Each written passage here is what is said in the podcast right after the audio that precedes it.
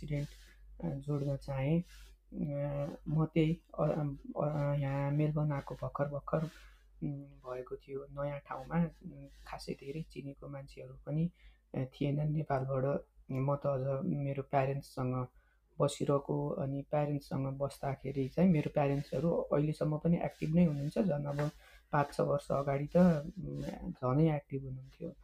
अनि प्यारेन्ट्ससँग बस्दाखेरि के हुने रहेछ भनेदेखि सधैँ आफू सानो नै भइ ने रहेछ डिपेन्डेन्ट नै भइ ने रहेछ क्या आफैले फाइनेन्सियल्ली अब कमाउन ओर्न थाले पनि घरमा मम्मी बुवा भएपछि सबै व्यवहारहरू उहाँहरूले नै हेर्नुपर्ने हुने रहेछ तसर्थ म मेलबर्न आउँदाखेरि अस्ट्रेलिया आउँदाखेरि यो it was a kind of shock पनि भयो मलाई यहाँको मान्छेहरू कस्तो होलान् के होलान् भनेर अनि त्यही क्रममा म यहाँ आएपछि हामीले बेड लिने निर्णय गऱ्यौँ।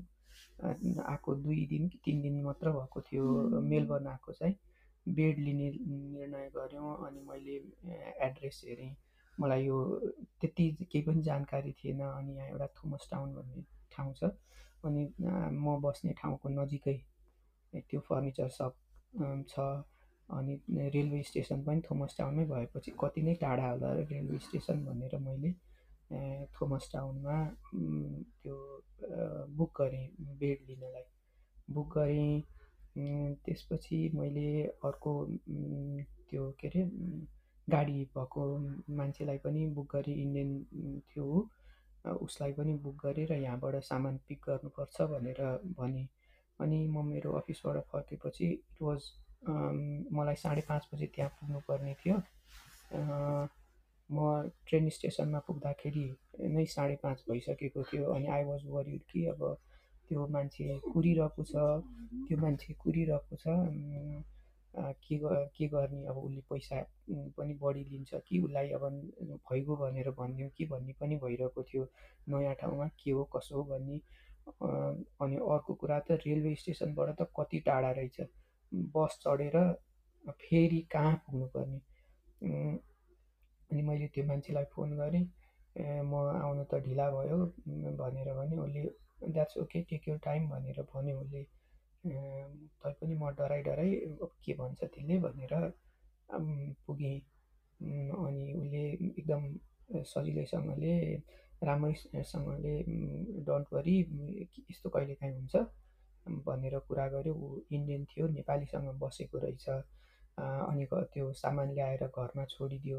घरमा छोडी छोडिदियो। सामान पनि एकदमै हेल्प त्यो भित्रैसम्म ल्याएर उस्तै गरी म फिक्स गरिदिन्छु भन्नेसम्म गरेर कुरा गर्यो।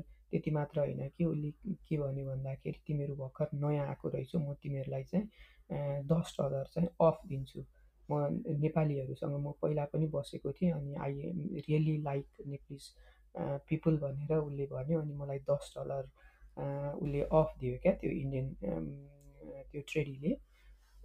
मलाई यति त्योबाट यति राम्रो फिल भयो नि एकदम त्यो मान्छेको बिहेभियरले not only to that particular person कि अस्ट्रेलियासँगकै चाहिँ ओहो यहाँको मान्छेहरू राम्रो हुँदो रहेछन्।